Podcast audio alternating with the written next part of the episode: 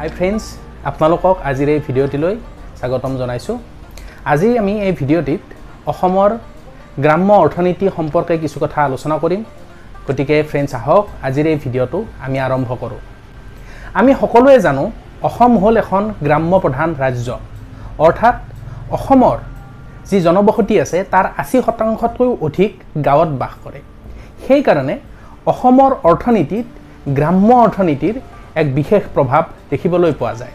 আৰু গ্ৰাম্য অৰ্থনীতি বুলি ক'লে আমি সাধাৰণতে কৃষি প্ৰধান যি অৰ্থনীতি সেইটোকে আমি বুজোঁ।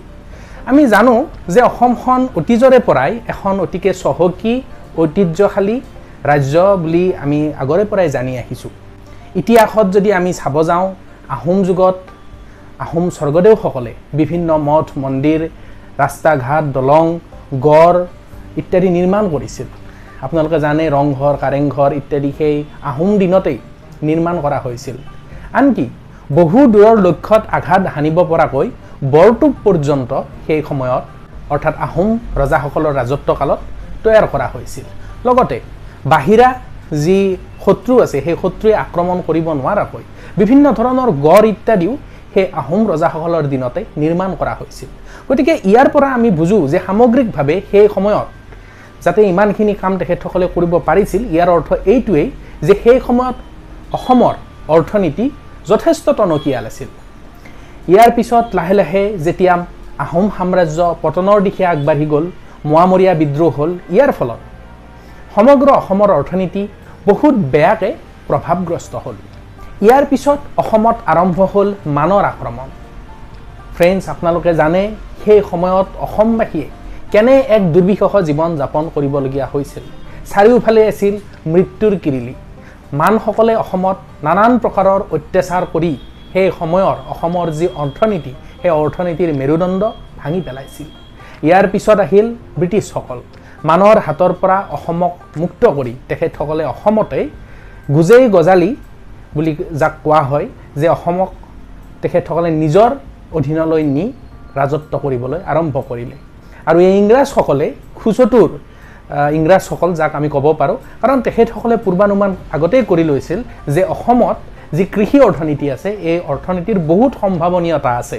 আৰু তাৰ কাৰণে পৰ্যায়ক্ৰমে তেখেতসকলে কৃষিৰ অৰ্থনীতিৰ ক্ষেত্ৰত বিশেষ পদক্ষেপ কিছুমান তেখেতসকলে লৈছিল যিবিলাক দ সাৰুৱা মাটি আছিল এইবিলাক মাটি ইংৰাজসকলে ধান আৰু মৰাপাট খেতিৰ কাৰণে উপযুক্ত বুলি চিহ্নিত কৰি তাত ধান আৰু মৰাপাটৰ খেতি কৰিছিল। ইয়াৰ উপৰিও যিবিলাক ওখ ঠাই আছে সেই ওখ ঠাইবিলাকত তেখেতসকলে গম পালে যে ইয়াত চাহৰ খেতি খুব ভাল হয়। আমি ক'ব পাৰোঁ যে চাহৰ যিটো উৎপাদন বা চাহৰ যিটো কৃষি কাৰ্য অসমত আৰম্ভ হৈছিল এইটো প্ৰথমে ব্ৰিটিছসকলেই কৰিছিল। আৰু তেখেতসকলে চাহৰ উপৰিও কুঁহিয়াৰেই হওক নতুবা ৰবৰ খেতিয়ে হওক কপাহ কফি এই এনেকুৱা ধৰণৰ খেতিও তেখেতসকলে ওখ অঞ্চলবিলাকত কৰিবলৈ আৰম্ভ কৰিছিল। ইয়াতে ক'ব পাৰি সেই সময়ত যি স্থানীয় অসমীয়া লোক আছিল তেখেতসকলক এই ইংৰাজসকলে এই কৃষি কাৰ্যত শ্ৰমিক হিচাপে ব্যৱহাৰ কৰিছিল। কিন্তু তেওঁলোকৰ ব্যৱসায়ৰ যিটো প্ৰসাৰতা এইটো যেতিয়া বাঢ়ি গৈছিল তেতিয়া স্থানীয় লোকখিনিৰ যিটো শ্ৰম সেই শ্ৰমেদি অকল তেখেতসকলে বিজনেছ কৰিব পৰা নাছিল। তাৰ কাৰণে কি কৰিছিল তেখেতসকলে? অধিক শ্ৰমিক বাহিৰৰ পৰা স্থানান্তৰিত কৰিছিল। উদাহৰণস্বৰূপে তেখেতসকলে ধান মৰাপাট ইত্যাদি যিবিলাক দ ঠাইত হয় এই এইবিলাক খেতিৰ কাৰণে কি কৰিছিল? পূব বংগ অৰ্থাৎ বৰ্তমানৰ বাংলাদেশ। তাৰ পৰা মুছলমান সম্প্ৰদায়ৰ লোকসকলক ইয়ালৈ অনা হৈছিল। খেতি কৰিবৰ উদ্দেশ্যে। আৰু চাহ খেতি যিটো আপাৰ আছামৰ ফালে জনপ্ৰিয়। সেই খেতি কৰিবৰ কাৰণে তেখেতসকলে ভাৰতৰ বিভিন্ন ৰাজ্য যেনে বিহাৰ ঝাৰখণ্ড উৰিষ্যা ইত্যাদি ৰাজ্যৰ পৰা শ্ৰমিক অসমলৈ আনিছিল। আৰু এইদৰেই তেখেতসকলে কৃষি কাৰ্য কৰিছিল বা ব্যৱসায়িক ভিত্তিত কৃষি কাৰ্য কৰিছিল। ইয়াৰ পিছত আমি ক'ব খোজোঁ যে ভাৰত স্বাধীন হোৱাৰ পিছতো অসমৰ যিটো গ্ৰাম্য অৰ্থনীতি আছে সেই গ্ৰাম্য অৰ্থনীতিটো বেছ টনকিয়াল আছিল বুলিয়ে আমি ক'ব পাৰোঁ। প্ৰায় চল্লিছ পঞ্চাছ বছৰ আগলৈকে অসমৰ প্ৰতি ঘৰ মানুহৰ যি গাঁৱত বাস কৰে গতিকে অসমৰ গাঁৱৰ প্ৰতি ঘৰ মানুহৰ ঘৰে ঘৰে একোখন বাৰী আছিলেই সেই বাৰীত সেই মানুহঘৰৰ বিভিন্ন ধৰণৰ ফল মূল যেনে আম কঁঠাল লেটুক পনিয়ল কল ইত্যাদি ধৰণৰ ফল মূলৰ গছ সেই বাৰীখনত নিশ্চয়কৈ পোৱা গৈছিল। ইয়াৰ উপৰিও তেখেতসকলৰ এখন সৰুকৈ হ'লেও পাচলিৰ বাগিচা এখনো আছিল। তাত যিখিনি দৈনন্দিন যিখিনি পাচলি লাগে তাত উৎপাদন হৈছিল। আনকি আদা নহৰু হালধি পিঁয়াজ ইত্যাদিৰ খেতিও তেখেতসকলৰ ঘৰৰ কাষৰ যিখন পাচলি বাগিচা তাত প্ৰায়ে পোৱা গৈছিল। যিখিনি দৰকাৰ হয় সেইখিনি ঘৰৰ কাৰণে ব্যৱহাৰ কৰি অতিৰিক্তখিনি তেখেতসকলে আনকি বজাৰত বিক্ৰীও কৰিব পাৰিছিল। ইয়াৰ উপৰিও বিভিন্ন ধৰণৰ পোহনীয়া জীৱ জন্তু সেই সময়ত প্ৰতি ঘৰ অসমৰ গাঁৱত অঞ্চলত বাস কৰা মানুহে পুহিছিল। যেনে ধৰক ছাগলীয়ে হওক গৰুৱে হওক হাঁহ কুকুৰা পাৰ ইত্যাদি প্ৰতি ঘৰ মানুহৰ ঘৰতে এই পোহনীয়া জীৱ জন্তুবোৰ পোৱা গৈছিল। ফলত কি হৈছিল? কোনোবা আলহী অতিথিয়ে আহিলে দোকানত বা মাংসৰ দোকানত যাবলগীয়া হোৱা নাছিল। ঘৰতে পাৰ চৰাই থাকিব কুকুৰা থাকিব হাঁহ থাকিব এইবিলাকেৰে হয়তো আলহী অতিথিক আপ্যায়ন কৰা হৈছিল। আৰু সেই সময়ত কি আছিল আমাৰ যিটো অসমৰ নৈ বিল জান জুৰি ইত্যাদি মাছেৰে পৰিপূৰ্ণ হৈ আছিল। গতিকে মাছো কিনিবৰ কাৰণে খুব বেছি যাব লগা হোৱা নাছিল। বিলত যদি এচাপ জাল মাৰি দিয়া হয় তেতিয়া ঘৰখনৰ মানুহখিনিয়ে খাব পৰাকৈ মাছ পাব পৰা অৱস্থাত তেতিয়া আছিল। সাধাৰণ অৰ্থত আমি যদি ক'ব খোজোঁ যে নিমখ দিয়া চেলাই সূতা এনেকুৱা কিছুমান বস্তু বাহিৰে বাকী সকলোখিনি বস্তু ঘৰখনত লগা সকলো ধৰণৰ বস্তু ঘৰতেই উৎপাদন কৰি লোৱা হৈছিল। এয়া হ'ল আজিৰ পৰা প্ৰায় চল্লিছ পঞ্চাছ বছৰ আগৰ অসমৰ গ্ৰাম্য অৰ্থনীতিৰ এক চমু আভা কিন্তু লাহে লাহে কি হ'ল? এই অসমৰ গ্ৰাম্য অৰ্থনীতিটোৰ যেন এক পৰিৱৰ্তন হ'বলৈ আৰম্ভ কৰিলে। বৰ্তমান সময়ত আমি দেখোঁ যে চৰকাৰে বিভিন্ন ধৰণৰ কল্যাণমূলক আঁচনি যেনে ৰাজ সাহায্য সম্পন্ন খাদ্যশস্য বিতৰণ কৰিব আৰম্ভ কৰিলে। ইয়াৰ ফলত কি হ'ল? মানুহে খেতি কৰি বা কষ্ট কৰি যি উৎপাদন কৰে তাত যিমানখিনি খৰচ হয় তাতকৈ অতি কম খৰচতে অতি কম কষ্টতে চৰকাৰৰ পোৱা পৰা পোৱা সুলভ মূল্যৰ চাউলটো যদি তেখেতসকলে ব্যৱহাৰ কৰে বা চেনিটো যদি তেখেতসকলে ব্যৱহাৰ কৰে তেখেতসকলৰ কম খৰচত আৰু কম কষ্টতে সেই সিমানখিনি লাভ তেওঁলোকৰ হয়। গতিকে কি হ'ল? গ্ৰাম্য অঞ্চলৰ যিখিনি খেতিয়ক আছে তেখেতসকলৰ এক উনিহা ভাৱ উপজিল যে আমিনো কিয় খেতি কৰিব লাগে? ইমান কষ্ট কৰি বা ইমান পইচা খৰচা কৰি যদি আমি ধান খেতিয়ে কৰিলোঁ নতুবা পাচলি খেতিয়ে কৰিলোঁ কিন্তু তাৰ ফলত আমি যিখিনি উৎপাদন আমি পাম সেই উৎপাদনৰ তুলনাত আমি কম কষ্ট কৰিয়েচোন চৰকাৰৰ ৰাজ সাহায্যযুক্ত আমি খাদ্য শস্য পাই আছোঁ চেনি পাই আছোঁ গতিকে আমি কষ্ট কৰাৰনো কি প্ৰয়োজন? গতিকে এনেকুৱা এক ধৰণৰ মানসিকতাও গঢ়ি উঠিল। অকল এইটোৱেই নহয়। ইয়াৰ উপৰিও আন কিছুমান সমস্যাও আছে। যেনে ধৰক উৎপাদন কৰিলে এজন কৃষকে খেতিয়ক খেতি কৰি গাঁওখনতে নিজৰ মাটিত খেতি কৰি ধান উৎপাদন কৰিলে। এতিয়া ধানখিনি বিক্ৰী কৰাৰ কাৰণে বহু ক্ষেত্ৰত বজাৰো বিচাৰি পোৱা নাযায়। ভালকৈ খেতি কৰাৰ পিছতো যথেষ্ট উৎপাদন কৰাৰ পিছতো যদি তেখেতসকলৰ উৎপাদিত ফচলখিনি ভালকৈ বিক্ৰী কৰিবৰ কাৰণে বজাৰ বিচাৰি পোৱা নাযায় তেতিয়াহ'লে খেতিয়কসকল নিৰুৎসাহিত হোৱাটো স্বাভাৱিক কথা। আপোনালোকে জানে যে ভাৰতীয় খাদ্য নিগম যি ভাৰত চৰকাৰৰ এক অনুষ্ঠান তেখেতসকলে খেতিয়কসকলৰ পৰা এই খাদ্য শস্যসমূহ নিয়মিত ক্ৰয় কৰিব লাগে।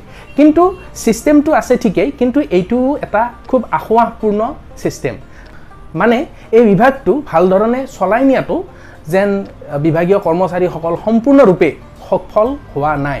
কাৰণ বহু ক্ষেত্ৰত দেখা যায় যে গাঁৱৰ হোজা যি খেতিয়ক আছে তেখেতসকলে গমেই নাপায় কেনেকৈ আমি এইখিনি বিক্ৰী কৰিব লাগিব এফ চি আইত গৈ কিনে।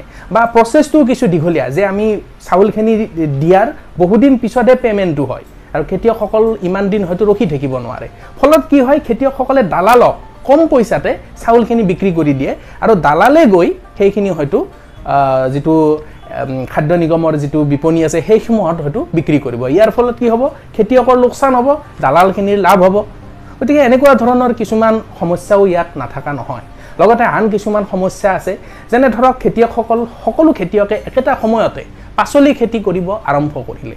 আৰু এই ক্ষেত্ৰত এটা অসুবিধা হ'ল যে একেলগে যেতিয়া আটাইবিলাক কৃষকে পাচলি উৎপাদন কৰিব এটা সময়ত চাৰিওফালে পাচলি উভৈনদী হৈ পৰে আৰু ইয়াৰ চাহিদা যথেষ্ট পৰিমাণে কমি যায়। ফলত কি হয়? খেতিয়কসকলে পানীৰ দৰত এই পাচলিসমূহ দালালৰ হাতত বিক্ৰী কৰিবলৈ বাধ্য হয় আৰু দালালে গাঁৱৰ খেতিয়কৰ পৰা অতি পানীৰ মূল্যত সেই পাচলিবোৰ কিনি চহৰ অঞ্চলত অতি বেছি দামত বিক্ৰী কৰিবলৈ আৰম্ভ কৰে। ইয়াৰ ফলত কি হয়? সাধাৰণ জনতা যিয়ে পাচলি কিনি খায় তেখেতসকলৰো লোকচান হয়। অত্যাধিক অত্যাধিক দামত তেখেতসকলে পাচলি কিনিবলগীয়া হয় আৰু যিখিনি উৎপাদন কৰা কৃষক তেখেতসকলৰো লোকচান হয় কাৰণ অতিকে কম দামত তেখেতসকলে পাচলিখিনি বিক্ৰী কৰিবলগীয়া হয়। গতিকে এনেকুৱা ধৰণৰ কিছুমান আসোৱাহ দেখিবলৈ পোৱা যায়। আৰু এই আসোৱাহবিলাকৰ ফলতে গ্ৰাম্য অঞ্চলৰ কৃষকসকলে কৃষি কাৰ্যৰ প্ৰতি অনীহা দেখা পোৱা পৰিলক্ষিত হৈছে। গতিকে তেখেতসকলে ভাবে যে এনেকৈ ইমানখিনি খৰচ কৰি খেতি কৰাতকৈ আমি ৰাজ সাহায্যযুক্ত যিখিনি আমি খাদ্য শস্য পাওঁ তাৰ ওপৰত নিৰ্ভৰ কৰি চলাটোৱে বেছি সুবিধাজনক হ'ব। গতিকে এইটো বৰ্তমান সময়ত গ্ৰাম্য অৰ্থনীতিৰ এক বৃহৎ প্ৰত্যাহ্বান বুলি আমি ক'ব পাৰোঁ। আমি এতিয়া চাহ খেতিৰ বিষয়ে যদি চাওঁ কাৰণ চাহ খেতি হৈছে অসমৰ এক পৰিচয়। অসমত চাহ আটাইতকৈ বেছি উৎপাদিত হয় আৰু সমগ্ৰ পৃথিৱীতেই অকল ভাৰতবৰ্ষ বুলি নহয় অসমৰ চাহৰ এক বিশেষ মানদণ্ড আছে। আমি ইতিহাস যদি চাব যাওঁ প্ৰায় আশীৰ দশকত চৰকাৰে ব্যক্তিগত খণ্ডক চাহ খেতি কৰাৰ কাৰণে অনুমতি প্ৰদান কৰিছিল। আৰু ইয়াৰ পিছত যিবিলাক বহুজাতিক কোম্পানী আছে সেই কোম্পানীবিলাকে ভৱিষ্যত অধিক লাভৱান্বিত হোৱাৰ আশাৰে যিবিলাক উজনি অসমৰ ক্ষুদ্ৰ চাহ খেতিয়ক আছে তেখেতসকলক প্ৰলোভন দি অৰ্থাৎ তেখেতসকলৰ যি কেঁচা চাহপাত অধিক দাম দি ক্ৰয় কৰিবলৈ আৰম্ভ কৰিছিল। আৰু যেতিয়া অধিক দাম দি কৃষকসকলে ক্ষুদ্ৰ চাহ খেতিয়কসকলে নিজৰ কেঁচা চাহপাতখিনি বিক্ৰী কৰিব পাৰিছিল তেখেতসকলে ভাবিলে যে আমাৰ বাকী যিখিনি খেতিৰ মাটি আছে তাতো আমি চাহ খেতি কৰোঁ। কাৰণ চাহ খেতিটো হৈছে এটা অতিকৈ লাভজনক কৃষি। বহুজাতিক কোম্পানীৰ পৰা যথেষ্ট পৰিমাণে পইচা তেখেতসকলে পাইছিল। গতিকে তেখেতসকলে কি কৰিলে বাকীবিলাক খেতি মাটি যিবিলাক আছিল সেই আটাইবিলাক তেখেতসকলে চাহ বাগানলৈ পৰিৱৰ্তিত কৰিলে। আৰু যেতিয়া বহুজাতিক কোম্পানীবিলাকে গম পালে যে যথেষ্ট সংখ্যক খেতিয়কে ক্ষুদ্ৰ চাহ খেতিয়কে নিজৰ যিটো অন্যান্য কৃষি ক্ষেত্ৰ আছে এইবিলাকো চাহ ক্ষেত্ৰলৈ পৰিৱৰ্তিত কৰিলে তেতিয়া চতুৰুভাৱে তেখেতসকলে চাহপাতৰ কেঁচা চাহপাতৰ মূল্যটো কমাবলৈ ধৰিলে। তো ইয়াৰ ফলত কি হ'ল? সেই খেতিয়কবিলাক যিবিলাক ক্ষুদ্ৰ চাহ খেতিয়ক আছে তেখেতসকলৰ লোকচান হ'ল। তেখেতসকলে যি উৎপাদন কৰা চাহপাত তাৰ মূল্য বহুজাতিক কোম্পানীবিলাকে নিয়ন্ত্ৰণ কৰিব ধৰিলে। ফলত এই চাহ উদ্যোগটো যথেষ্ট পৰিমাণে ক্ষতিগ্ৰস্ত হোৱাৰ উপক্ৰম হ'ল। আৰু বিশেষভাৱে যদি আমি ক'ব যাওঁ যে প্ৰায় দুহেজাৰ ঊনৈছ চনলৈকে এই চাহ খেতিটো এক খুবেই পানীত হাঁহ নচৰা অৱস্থাৰ সন্মুখীন হ'বলগীয়া হৈছিল। কিন্তু ক'ভিডৰ পিছত এই ক্ষেত্ৰত কিছু সকাহ পোৱা গ'ল। কাৰণ আমি জানো সমগ্ৰ বিশ্বতে চাহ উৎপাদনকাৰী দেশ হ'ল ভাৰত চাইনা শ্ৰীলংকা কেনিয়া ইত্যাদি। ইয়াৰ ভিতৰত আপোনালোকে জানে যে ক'ভিড যিটো ভাইৰাছ এইটো বিশ্ববাসীয়ে ভাবে যে চীন দেশত প্ৰথমে উৎপত্তি হৈছে আৰু ইয়াৰ ফলত চাহ বিক্ৰীৰ ক্ষেত্ৰত চীন দেশ বহুত এক বিপদৰ সন্মুখীন হ'বলগীয়া হৈছিল। অৰ্থাৎ আন্তঃৰাষ্ট্ৰীয় বজাৰত চীন দেশৰ চাহৰ চাহিদা একেবাৰে কমি গৈছিল। ইয়াৰ পিছত আহিল শ্ৰীলংকা। আপোনালোকে জানে শ্ৰীলংকাৰ বৰ্তমান সময়ত কি এক অৰ্থনীতি কেনেকুৱা এক সংকটপূৰ্ণ সময়ৰ মাজেৰে তেখেতসকলে গৈ আছে এতিয়া। গতিকে এনেকুৱা এটা অৱস্থাত তেখেতসকলৰ চাহ যিটো উদ্যোগ আছে এইটো খুব এটা ভাল বুলি ক'ব নোৱাৰোঁ। গতিকে বৰ্তমান সময়ত ক'ভিডৰ পিছত ভাৰতবৰ্ষই হৈছে এনেকুৱা এখন দেশ য'ত চাহৰ চাহিদাটো বৃদ্ধি পাব ধৰিছে। কাৰণ বাকী দুখন দেশৰ যেতিয়া প্ৰডাকশ্যনটো কমিব অভিয়াছলি ভাৰতৰ প্ৰডাকশ্যনটো বৃদ্ধি হ'ব আৰু ভাৰতৰ চাহপাতৰ মূল্যটো বৃদ্ধি হ'ব।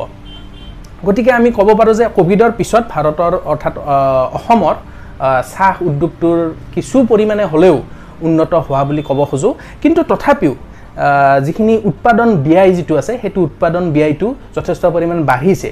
মূল্যবৃদ্ধি চাহপাতৰ হৈছে ঠিকেই লগতে উৎপাদন ব্যয়টোও বাঢ়িছে। ইয়াৰ ফলত যিমান পৰিমাণৰ লাভ হ'ব লাগিছিল বৰ্তমানো সিমান পৰিমাণৰ লাভ চাহ খেতিত হোৱা নাই। গতিকে আমি সামগ্ৰিকভাৱে গম পালোঁ কি চাহ খেতিয়ে হওক নতুবা অন্যান্য কৃষি কাৰ্যই হওক যে বৰ্তমান সময়ত অসমত যিটো গ্ৰাম্য অৰ্থনীতি আছে এইটোৰ অৱস্থা এক খুবেই পুতৌজনক অৱস্থাত থকা বুলি আমি ক'ব খোজোঁ। এতিয়া যদি আমি ইয়াৰ সমাধান বিচাৰিব যাওঁ তেতিয়াহ'লে আমি দেখিম যে সমগ্ৰ উত্তৰ পূৰ্বাঞ্চল আৰু অসমৰ এক বিশেষ মানে লাভ বুলিয়ে আমি ক'ব পাৰোঁ যে বহুতকেইখন দেশ আমাৰ উত্তৰ পূৰ্বাঞ্চলৰ সীমামূৰীয়া দেশ হিচাপে আছে। যেনে ধৰক ভূটানেই হওক বাংলাদেশ হওক ম্যানমাৰ হওক এনেকৈ বহুকেইখন দেশ আমাৰ উত্তৰ পূৰ্বাঞ্চলৰ যিটো বৰ্ডাৰ শ্বেয়াৰ কৰি আছে। গতিকে সেইটোক আমি ইউটিলাইজ কৰিব লাগে। আমি এটা কথা জনাটো ভাল যে আমাৰ অসমত যি চাউলৰ যিটো দাম সেই দামটো বা শাক পাচলিৰ যিটো দাম বাংলাদেশত তাৰ দাম বহুত বেছি। বা ম্যানমাৰত ফল মূল ইত্যাদিৰ দাম যথেষ্ট পৰিমাণে বেছি। গতিকে আমি আমাৰ অসমত উৎপাদিত কৃষি সামগ্ৰীসমূহ যদি এই দেশবিলাকত ম্যানমাৰেই হওক বা বাংলাদেশেই হওক ভূটানতেই হওক যদি আমি বিক্ৰী কৰিব পৰা ব্যৱস্থা যদি হয় চৰকাৰে যদি নীতি নিয়মসমূহ এক্সপৰ্টৰ যিটো নীতি নিয়ম এইবিলাক সুচল কৰি সহজ সাধ্য কৰি যাতে মানুহক উদ্বুদ্ধ কৰে যাতে কৃষকসকলে তেখেতসকলৰ উৎপাদিত সামগ্ৰী এইবিলাক দেশলৈও যাতে এক্সপৰ্ট কৰিব পাৰে বিক্ৰী কৰিব পাৰে তেতিয়াহ'লে আমাৰ এই গ্ৰাম্য অৰ্থনীতিটো ঠন ধৰি উঠিব বুলি আশা কৰা হৈছে। আৰু এই ক্ষেত্ৰত চৰকাৰে কি কৰিব লাগিব যিটো কানেক্টিভিটি ৰাস্তা ৰাস্তাৰ কানেক্টিভিটি যিটো হয় সেইটো কানেক্টিভিটি উন্নত কৰিব লগাৰ বহুত থল আছে। কাৰণ অসমৰ পৰা বা উত্তৰ পূৰ্বাঞ্চলৰ পৰা বাকী কেইখন আহ, দেশলৈ যিটো কানেক্টিভিটি সেইটো এতিয়াও বৰ এটা সুচল নহয়। গতিকে এই ক্ষেত্ৰত যথেষ্ট কৰিবলগীয়া কাম আছে। ইনফ্ৰাষ্ট্ৰাকচাৰটো ভালকৈ ডেভেলপ কৰিব লাগিব ৰাস্তা ঘাট ইত্যাদি। যাতে সুচলভাৱে বস্তুখিনি ইয়াৰ অসমৰ পৰা বাকী দেশবিলাকলৈ যাতে ট্ৰান্সপৰ্ট কৰিব পৰা যায় এই ক্ষেত্ৰত নজৰ ৰাখিব লাগিব। আৰু আমাৰ যথেষ্ট সুবিধা পটেঞ্চিয়েল আমাৰ অসমত আছে। কাৰণ আমাৰ অসমৰ কিছুমান এনেকুৱা কৃষি উৎপাদন আছে যিবিলাক সমগ্ৰ ভাৰতবৰ্ষতে বিখ্যাত। ভাৰতবৰ্ষ বুলি নহয় সমগ্ৰ পৃথিৱীতে বিখ্যাত। চাহৰ কথা বাৰু নকওঁৱেই। ইয়াৰ উপৰিও আপোনালোকে জানে যে অসমৰ জহা চাউল বৰা চাউল এইবিলাকৰ জি আই টেগ আছে।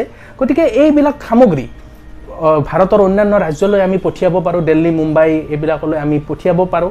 ইয়াৰ উপৰিও নেমু টেঙাই ধৰা হওক যিটো আমাৰ নেমু টেঙা সেইটো আমি এনেকৈ বাহিৰলৈ পঠাব পাৰোঁ। বা অসমৰ কঁঠালৰো এক বিশেষ সমাদৰ আছে। এই কঁঠালো আমি এক্সপৰ্ট কৰিব পাৰোঁ। এনেকৈ যিবিলাক ক্ষেত্ৰত আমি চহকী যিবিলাক কৃষি সামগ্ৰী উৎপাদনত আমি চহকী বা আমাৰ এক সুকীয়া পৰিচয় আছে এইবিলাক আমি প্ৰমোট কৰিব লাগে। গতিকে ইয়াৰ ফলত আমাৰ অৰ্থনীতিটো উন্নত হ'ব বুলি আমি ক'ব পাৰোঁ।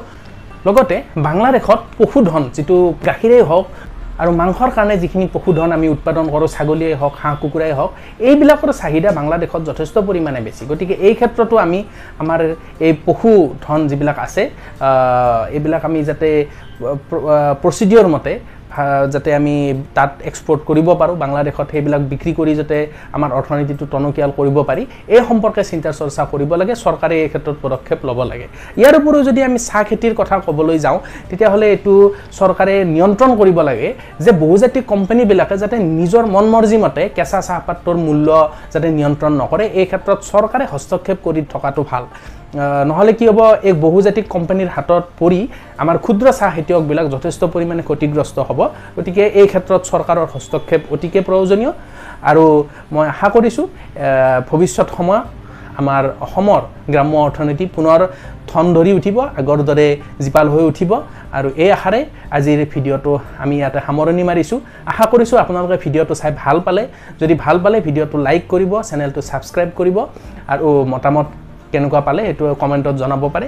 আৰু শেষত অহা খণ্ডত এক নতুন বিষয় লৈ অহাৰ প্ৰতিশ্ৰুতিৰে আজিলৈ বিদায় লৈছোঁ। আপোনালোকক বহুত বহুত ধন্যবাদ।